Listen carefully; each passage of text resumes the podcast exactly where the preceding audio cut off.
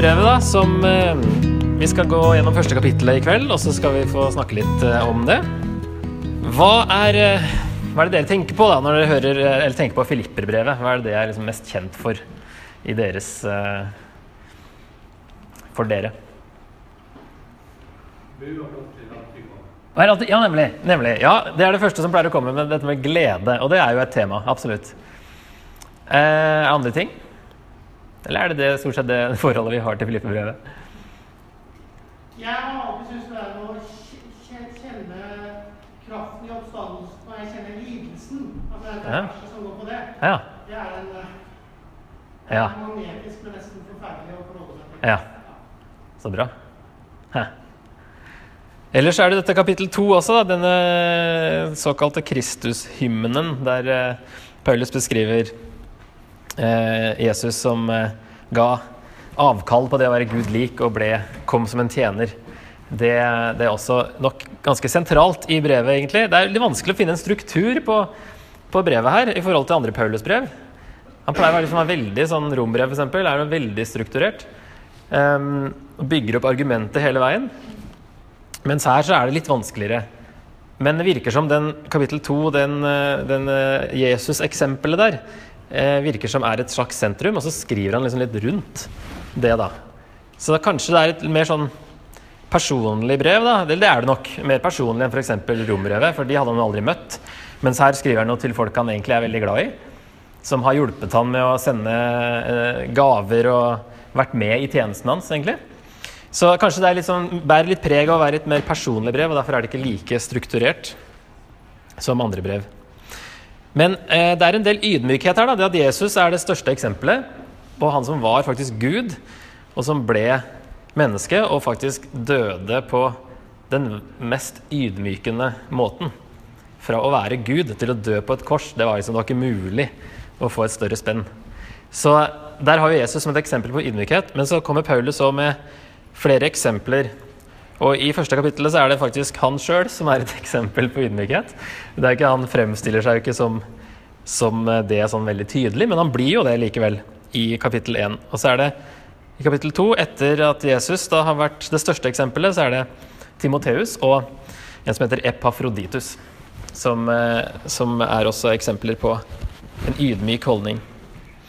Men i kapittel 2, når han eh, kommer til Jesus, tror jeg bare tar det for å få litt, sånn litt eh, ramme og sentrum. For der sier han i kapittel 2, vers 2 eh, til 5 Ha samme sinnelag og samme kjærlighet. Vær ett i sjel og sinn. Her er det i hvert fall tydelig enhet. Gjør ikke noe av selvhevdelse og tom ærgjerrighet, men vær ydmyke og sett de andre høyere enn dere selv. Da har vi kanskje en definisjon på ydmykhet. Det å sette andre høyere enn oss selv. Tenk ikke bare på deres eget beste, men også på de andres. La samme sinnelag være i dere som også var i Kristus Jesus. Og så kommer Jesus, eh, denne hymnen, da, eh, som et eksempel. Så eh, når Paulus Kartet ble litt mindre nå, men dette er den andre misjonsreisen. Da han kom til Filippi. Filippi er helt oppe nesten i hjørnet der. Som er da første gang han er over i Europa. Og det er litt interessant hvordan han ble leda dit. for i Apostelens gjerninger 16 så, så sier han at de prøvde å, å dra til eh, Bitynia, altså helt nord i Tyrkia der. Og så sier han, eller Lukas som skriver, da, men Jesu ånd ga dem ikke lov. De dro da gjennom Mysia og kom ned til Troas, helt på kysten der. Um, jo, før det, så har Den hellige ånd hindret dem i å forkynne ordet i Asia. Altså som er den eh, provinsen Asia som var i Tyrkia der. Og Derfor dro de videre og tenkte å dra opp til Betynia, og så fikk de ikke lov til å dra dit heller, av Jesu ånd. Så han på en eller annen måte stoppa dem. Så kommer de til Troas, og så har Paulus et syn der han ser en mann, en makedoner, som sier da 'Kom over til Makedonia og hjelp oss'. Da han hadde hatt dette synet, forsøkte vi straks å komme til Makedonia, for vi skjønte at Gud hadde kalt oss til å forkynne evangeliet der. Så han blitt tydelig leda til Makedonia, og da til Filippi, som er den første byen jeg egentlig kommer til. Så det har vi her i kapittel 16 i Apostlenes gjerninger. Vi stakk til sjøs i Troas med kurs for Samatrake og kom dagen etter til Neapolis. Det er bare sånn havne, liten havneby, virker det som, for de drar rett videre til Filippi.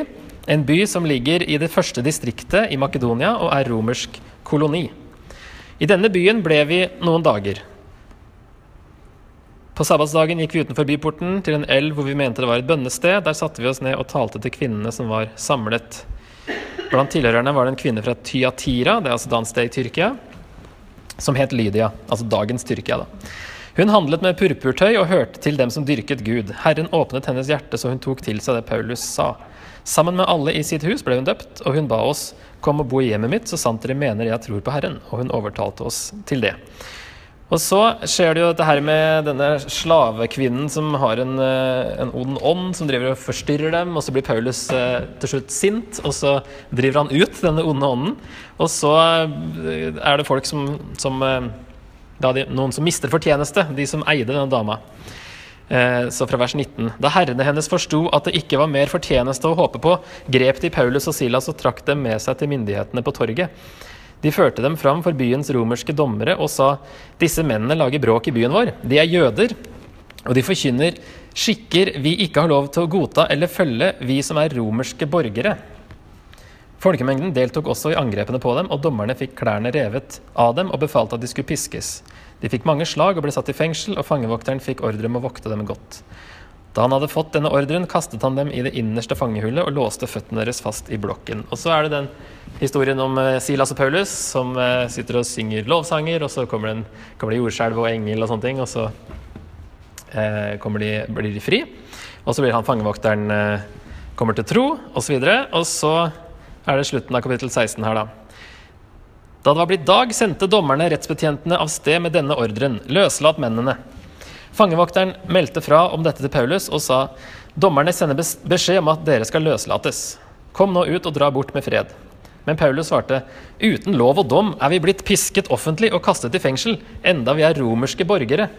Og nå skal vi altså sendes bort i all hemmelighet. Nei takk, de får selv komme og føre oss ut. Rettsbetjentene brakte dette svaret til dommerne, som ble skremt da de fikk vite at de var romerske borgere. De kom og ba om unnskyldning, fulgte dem ut av fengselet og ba dem reise fra byen. Så det er bakgrunnen vi har fra apostelens gjerninger. Det er mye som spiller inn her i brevet.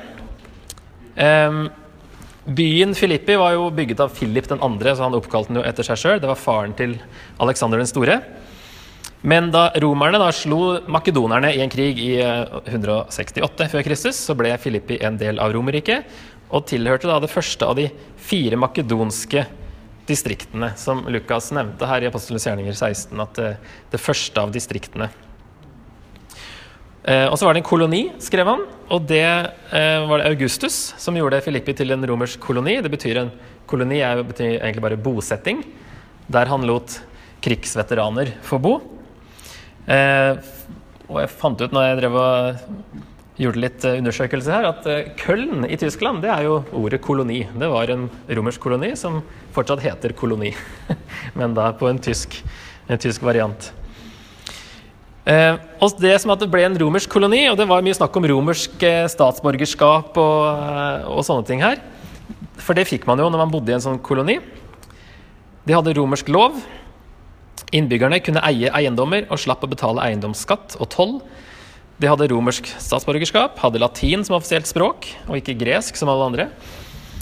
Eh, fulgte romerske skikker og skulle utvise romersk kultur og livsstil i Romerriket, slik at de innfødte kunne se hvordan det ble forventet at de skulle leve. Så det ble en sånn der, en liten sånn, eh, utstillingsvindu av eh, hvordan eh, romere levde. Og Derfor var de nok litt stolte av det her, da, de som bodde i Filippi. At de hadde sånne spesielle bånd til Roma, og de var stolte av byen og stolte av å være romere. Derfor er det da de blir litt sånn forskrekka når Paulus faktisk også har romersk eh, statsborgerskap. Og, eh, og de har behandla han feil, da. Eh, så Paulus liker jo å trekke fram det, sånne ting på riktig tidspunkt, når eh, han skjønner at eh, det de burde i hvert fall be om unnskyldning, da, som de gjør. Men siden det er snakk om, eller kanskje de var de stolte, så er det forståelig at Paulus snakker en del om ydmykhet når han skriver til dem. Så kanskje de òg var litt sånn vant til å tenke på en sånn litt stolt måte. Eh, og som han sier her i, i 2.3, altså ydmykhet er å sette de andre høyere enn dere selv. Noe av det samme har da C.S. Lewis sagt. Humility is not thinking less of yourself, it is thinking of yourself less.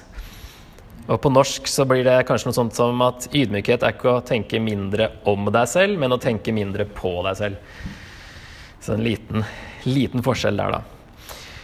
Så det er et tema i brevet, og enhet er et tema i brevet. Og han navngir faktisk to damer i kapittel fire som krangler, og som må komme til enighet, sier han.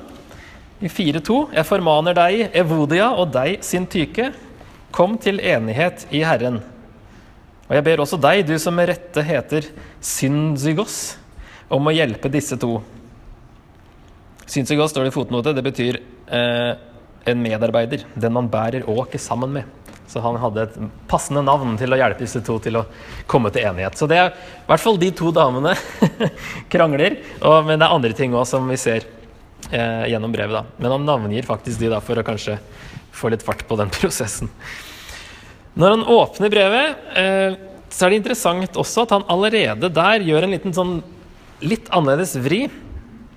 Og starter med å si Paulus og Timoteus, Kristi Jesu tjenere. Og Det er bare ellers i romerbrevet og Titus at han kaller seg en tjener i åpninga. Vanligvis er han apostel og gjør et stort poeng ut av det. Men her sier han at han er en tjener.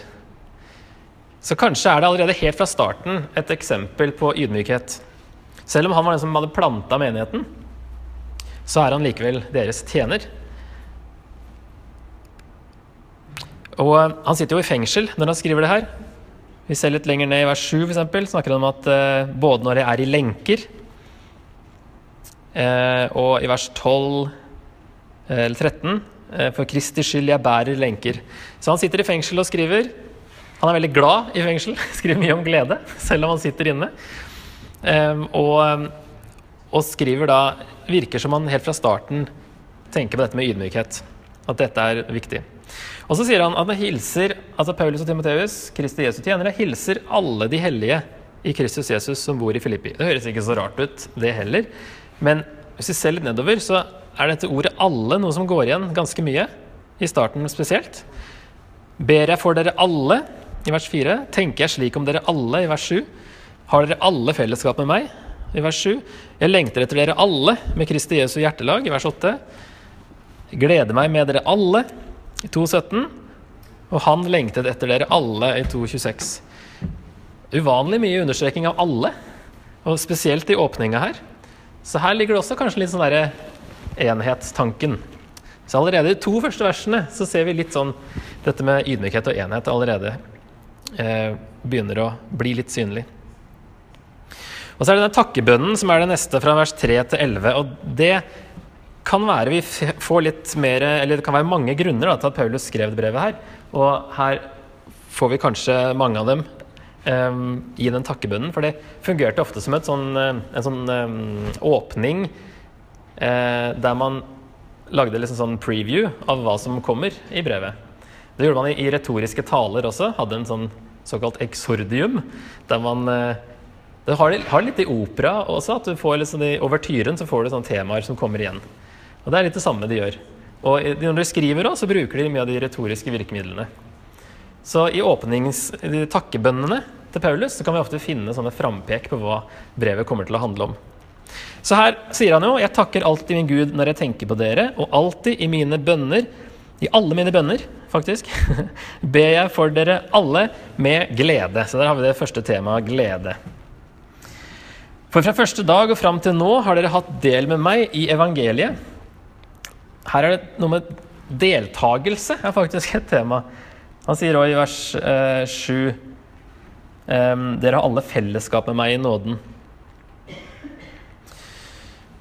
Og så er jeg trygg, skal vi se, fra mm, vers 6, og jeg er trygg på at han som begynte sin gode gjerning i dere, skal fullføre den helt til Jesu Kristi dag. Et såkalt eskatologisk verdensbilde, et endetidsverdensbilde, altså med Jesu Kristi dag. Um, også i vers 10, der han sier um, eh, snakker om Kristi dag der også, og har det som sånn, det, siste, det, det siste som skal skje, da, før evigheten liksom virkelig trår inn. Så sier han i vers 7.: med, med rette tenker jeg slik om dere alle, for jeg bærer dere i mitt hjerte. Både når jeg er i lenker, og når jeg forsvarer og stadfester evangeliet, har dere alle fellesskap med meg i nåden. Dette ordet 'tenke' er faktisk også noe som går igjen. Det er veldig mye tenking i Filippe-brevet. Det er uvanlig mye. Er, han nevner det ti ganger i et ganske kort brev. Eh, ellers er det ni ganger i romerbrevet. Og én gang i eh, fire andre brev. Så det er sånn forholdsmessig så er det veldig mye tenkning i disse fire kapitlene. Så det er viktig å tenke riktig. Skal se litt på hva han mener om det. Eller hva, hva han tenker på. Og så er det eh, dette med vers 8. Ja, Gud er mitt vitne på at jeg lengter etter dere alle med Kristi Jesu hjertelag.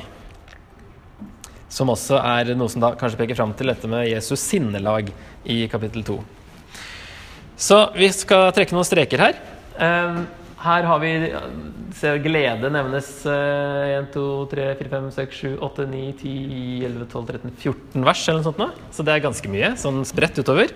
Og så er jo de fire, fire til sju er jo det mest kjente avsnittet, da. Gled dere alltid. Um, dette med deltakelse snakker han om å ha fellesskap i ånden. Men også ta del i Kristi lidelser, som du var inne på i stad litt, Børre. Takke for gaven. Det er noe mot slutten. at Det er kanskje en av grunnene til at han skriver. De har sendt han en gave, og han eh, vil takke for den. Og han sier at de tok del i nøden hans. Eh, dette eskatologiske verdensbildet det dukker opp eh, fem vers senere. Og så er det med tenkningen. Nå har jeg oversatt litt annerledes enn eh, denne her, for å få fram det ordet 'tenke'. Han snakker om å tenke det samme og være ett i tenkning. Tenk slik Jesus gjorde sier han. Her står det vel eh, 'la samme sinnelag være i dere'. Men mer bokstavelig så er det 'tenk sånn som Jesus gjorde. Altså tenke eskatologisk. Det med å tenke, ha et endetids, eller et evighetsperspektiv eh, med Jesu gjenkomst som en viktig del da, av eh, hvordan du tenker. Tenke det samme i Herren, det er når han sier 'kom til enighet' i 4.2. Så er det mer bokstavelig å tenke det samme. Og så sier han at de, at de, har tenkt på han, altså dere tenkte på meg. Og at det var eh, Ja. Det står ikke helt den uh, ordlyden her, da. Dere har hatt omtanke for meg, står det. Men det er jo en tanke hver dag, der også. Og så er det Jesu hjertelag. Han snakker om medfølelse, og han snakker om Jesus sinnelag. Så hvis vi tar oss prøver å putte det her i enten enhet eller Ja, nok om ikke ydmykhet høyt nok. Eh, det står ydmykhet bak der. Lurer på om jeg skal dra den bitte litt lenger opp, bare for uh, at det her skal bli best. Så eh, i hvert fall dette med fellesskap i ånden, det kan vi si har med enhet å gjøre. Og at de tok del i nøden hans, det er jo også at de føler en slags enhet. Tenke det samme og være ett i tenkning kan vi òg si har med enhet å gjøre. Tydelig, i hvert fall. Altså, noen av de her er veldig tydelige, da. Eh, tenk slik Jesus gjorde. Blir kanskje først og fremst ydmykhet. Og tenke det samme i Herren kan vi si er enhet. Tenk på meg. Ydmykhet. Og dette med medfølelse og Jesus sinnelag kan vi òg trekke til ydmykhet. Men det virker som de her to også henger sammen Ydmykhet og enhet henger sammen med at ydmykhet fører til enhet. At det er derfor han snakker de to sammen. At for å ha enhet, så må vi også ha ydmykhet. Og så kommer hoveddelen fra vers 12, der han liksom begynner på eh, Etter å ha liksom åpna og hatt den takkebønnen, som han som regel har. Så vil han forklare litt uh, situasjonen sin, og uh, at det ikke er så ille som de har trodd, kanskje.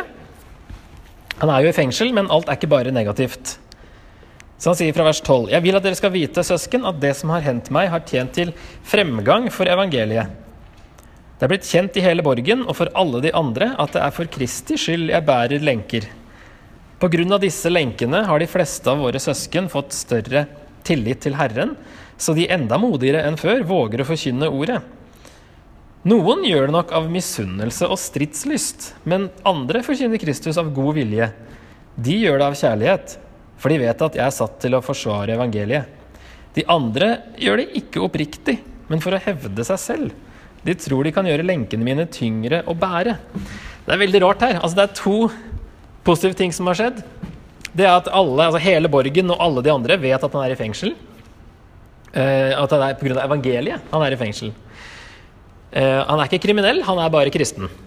Og det ville kanskje føre til litt nysgjerrighet ute også i byen.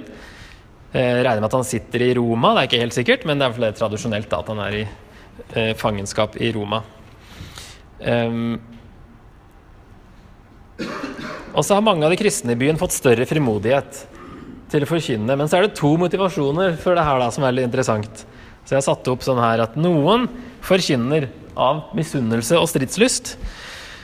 Ikke oppriktig for å hevde seg selv, og med baktanker, for de tror de kan gjøre lenkene hans tyngre å bære. Og så er det andre som forkynner av god vilje og av kjærlighet, og fordi de vet han er satt til å forsvare evangeliet, og de gjør det i oppriktighet. Så her er det noen som gjør det med riktig motivasjon, og noen som gjør det med en veldig merkelig motivasjon. At de forkynner evangeliet av misunnelse og stridslyst, og for å hevde seg selv, og med baktanker, og, og så. Og så sier han Han sier jo at det er noen av eh, noen av våre søsken. Det virker jo veldig som det er faktisk kristne, dette her. Det er ikke noe, er ikke noe spesielt. Um, han sier ikke noe her om at det er et annet evangelium, som han understreker veldig tydelig i Galaterbrevet. De forkynner riktig evangelium. Uh, og de er liksom blant våre søsken, men likevel så har de helt feil motivasjon. Så må bare spekulere litt på hva som kan ha vært eh, denne motivasjonen deres. da, Om de var misunnelige på Paulus, er det det han mener? Og at nå når han satt inne og ikke kunne reise, så var det liksom deres sjanse til å vise seg fram. Eh, og liksom Hvis de ikke likte Paulus, så kanskje de hadde lyst til å liksom bare gjøre ting verre for han med at han ikke kunne eh, ut og misjonere. Han måtte sitte der, men nå kan vi fly rundt og, og, og være fri, men det kan ikke du. Eh, og de kanskje ja, sette seg sjøl i et bedre lys enn Paulus. Eh, hvis de mente at Paulus hadde vært for mye i rampelyset. Så det virker som de gjør det av et dårlig forhold til Paulus, mens de andre gjør det av et godt forhold til Paulus. Eh, kanskje også de tenkte politisk, at eh, de ville gjøre ting verre for Paulus ved å gi ved å misjonere veldig, sånn at myndighetene liksom måtte slå litt ned på det her og, og straffe Paulus samtidig. Men Paulus, altså, fantes det kristne som ikke likte Paulus? Det virker som at han var såpass kontroversiell at noen hadde litt problemer med han. Vi ser i hvert fall i korinterbrevene at det var noen i Korint som kritiserte Paulus. Nå er ikke Paulus så veldig på å kalle dem brødre, kanskje, men uh, likevel så var det han hadde litt motstand her og der. Men det er veldig, jeg synes det er veldig interessant at de har riktig evangelium, men feil motivasjon. Og hva sier Paulus til det her? I vers 18.: Men hva gjør det? Kristus vil forkynt i alle fall, enten det skjer med baktanker eller i oppriktighet. Og det er jeg glad for. Så han bryr seg ikke om at de vil gjøre ting verre for han, og at de har helt feil motivasjon. Han bryr seg ikke om at ikke alle liker ham. Og han tar gjerne imot flere vanskeligheter i fengselet. Det er greit. Han kan godt tåle det liksom, for evangeliets skyld. Så så lenge Kristus forkynnes, så bryr ikke Paulus seg om motivene. Jeg syns det var en uh, vanvittig holdning. og jeg tror vi har mye å lære der. Det kan være ganske vanskelig å tenke sånn. Så vi skal ta den her litt uh, med til slutt inn i, i samtaler. Det kommer tilbake det her helt på slutten. Jeg skal bare bygge litt videre på det. I vers 19 så sier han, eller slutten av vers 18, da, det er et nytt avsnitt her Ja, jeg skal få mer å glede meg over. For jeg vet at dette skal bli min redning, ved at dere ber for meg, og Jesu Kristi ånd hjelper meg. Min lengsel og mitt håp er at jeg ikke skal bli til skamme i noe, men at Kristus nå som alltid skal bli opphøyd for alles øyne ved min kropp, enten jeg skal leve eller dø. Han sier her at eh, jeg vet at dette skal bli min redning, og her har de faktisk merka at de hadde endra det fra allerede den forutgaven som kom i 2005, da de oversatte bare Nytestamentet. Så sto det hvis Jeg tror det sto 'frelse' i den. 'Dette skal bli til min frelse'. Men nå har de endra det til 'redning'. Så det er jo samme ordet, kan bety begge deler.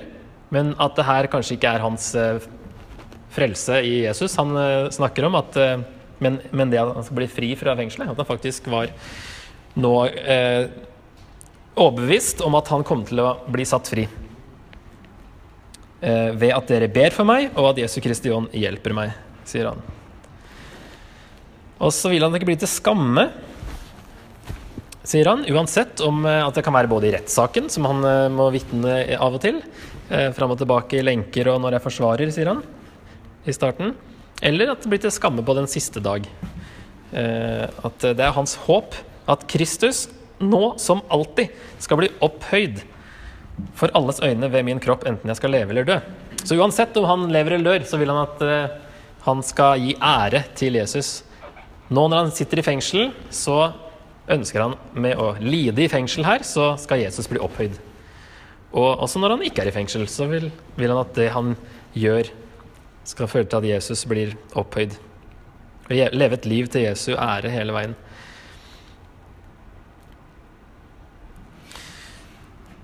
Så kommer det andre kjente vers, i vers 21. Å leve er for meg Kristus, og å dø er en vinning. Sier han her. Vi kan stoppe litt der med en gang. Å leve er for meg Kristus. Det virker som det betyr Altså, det å leve er Kristus. Det å leve betyr Kristus for Paulus.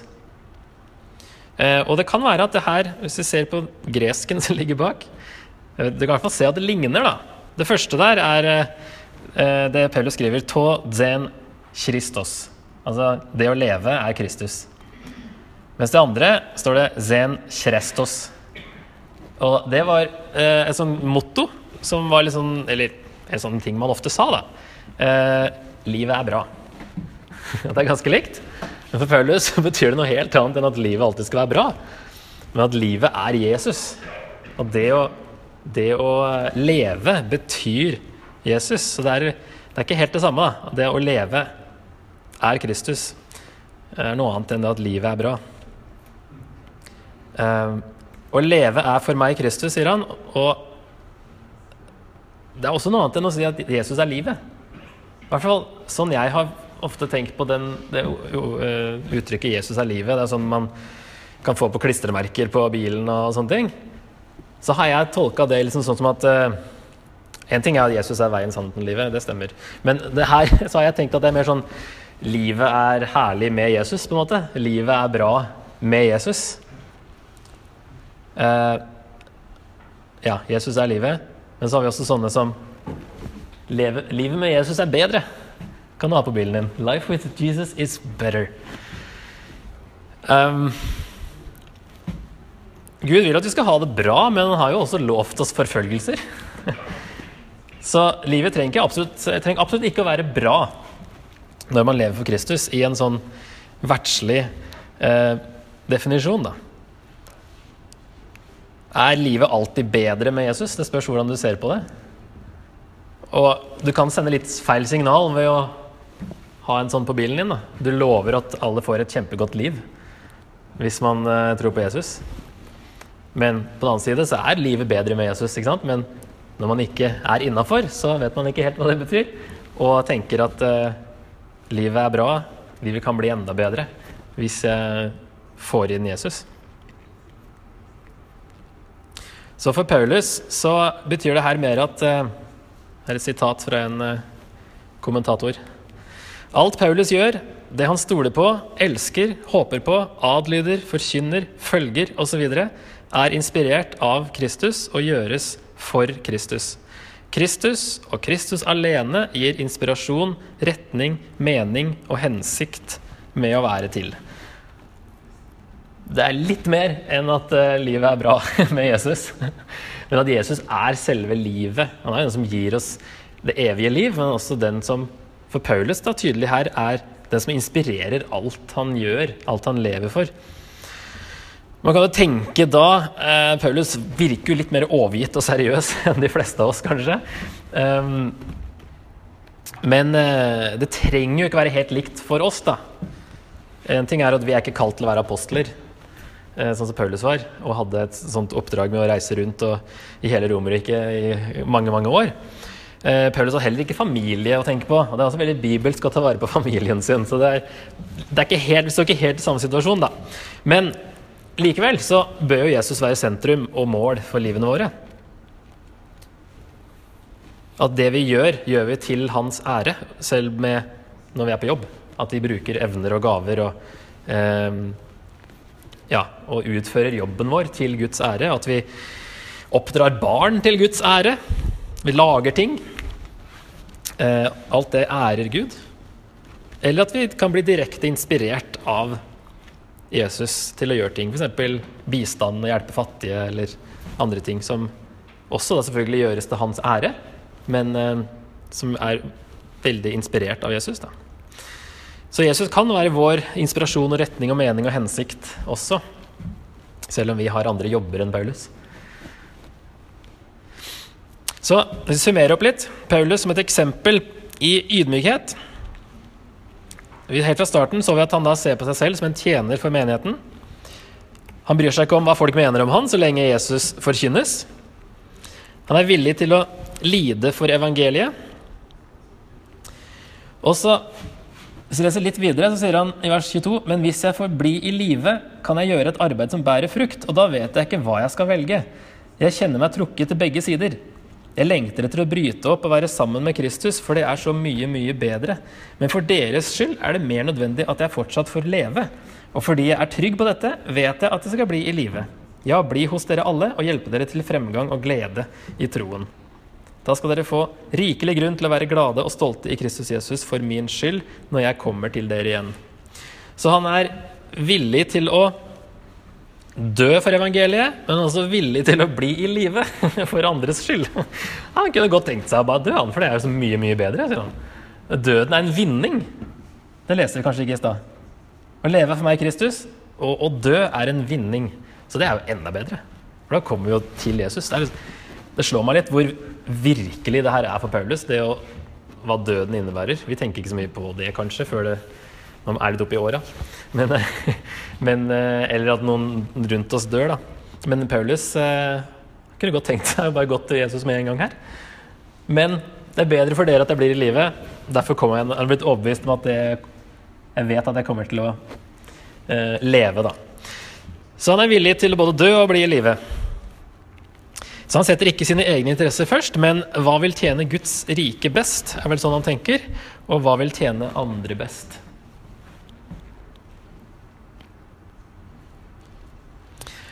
Og så er det siste avsnittet, fra vers 27. Se bare til at dere fører et liv som er Kristi evangelium verdig. Enten jeg kommer og ser dere, eller er borte, så la meg få høre at dere står sammen i én ånd kjemper med ett sinn for troen på evangeliet, og ikke på noen måte lar dere skremme av motstanderne. Dette er et tegn fra Gud, et tegn som varsler fortapelse for dem, men frelse for dere. For Kristi skyld fikk dere den nåde ikke bare å tro på ham, men også å lide for ham. Dere står i den samme kampen som dere før har sett meg kjempe, og nå hører dere at jeg fremdeles står i den. Her bruker han et litt uvanlig ord, når han sier å føre et liv som er Kristi evangelium verdig, i vers 27, så er det det greske ordet politevomai. Og der ser vi ordet politi inni her, og polis, altså by. At det opprinnelig betydde her å leve som en innbygger i en fri stat. Og han, eh, i 3.20 så sier han eh, vi har vår borgerrett i himmelen, og derfra venter vi Frelseren Herren Jesus Kristus. Så han spiller litt på det her med romersk koloni og romersk statsborgerskap. Med at deres egentlige statsborgerskap er i himmelen. Og Vi må leve et liv i tråd med den egentlige staten vi tilhører. Det er viktigere enn å leve som romer i Filippi. Vanligvis bruker han et annet ord når han snakker om å leve eller vandre, som det ofte oversettes. da. Men her er det bruker det bare, eh, brukes bare én annen gang i Nytestamentet, og det er i Apostelens gjerninger. Så det er faktisk eneste gangen Paulus bruker det. Så de må huske på at de egentlig er innbyggere i en annen by, da, i Guds by. Så han skal definere hva et verdig liv er, i tråd med deres sanne bystat, denne eh, egentlige staten de tilhører. Se til at dere fører et liv som er Kristi evangelium verdig. Enten jeg kommer og ser dere, eller er borte, så la meg få høre at dere står sammen i én ånd. Det er ett poeng.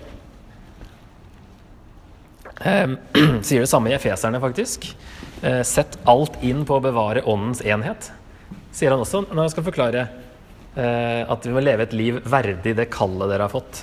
Så dette med enhet, det dukker opp veldig mange ganger. Kjemp sammen med ett sinn for troen på evangeliet. Det er annen, eh, et annet tegn på et verdig liv. Det er satt sammen i parentes der, det står vel ikke sammen i teksten her, men eh, i selve ordet så Det å kjempe står egentlig samkjempe. Synatlon, altså atlet. Eh, han bruker mange sånne sports- og kamputtrykk her.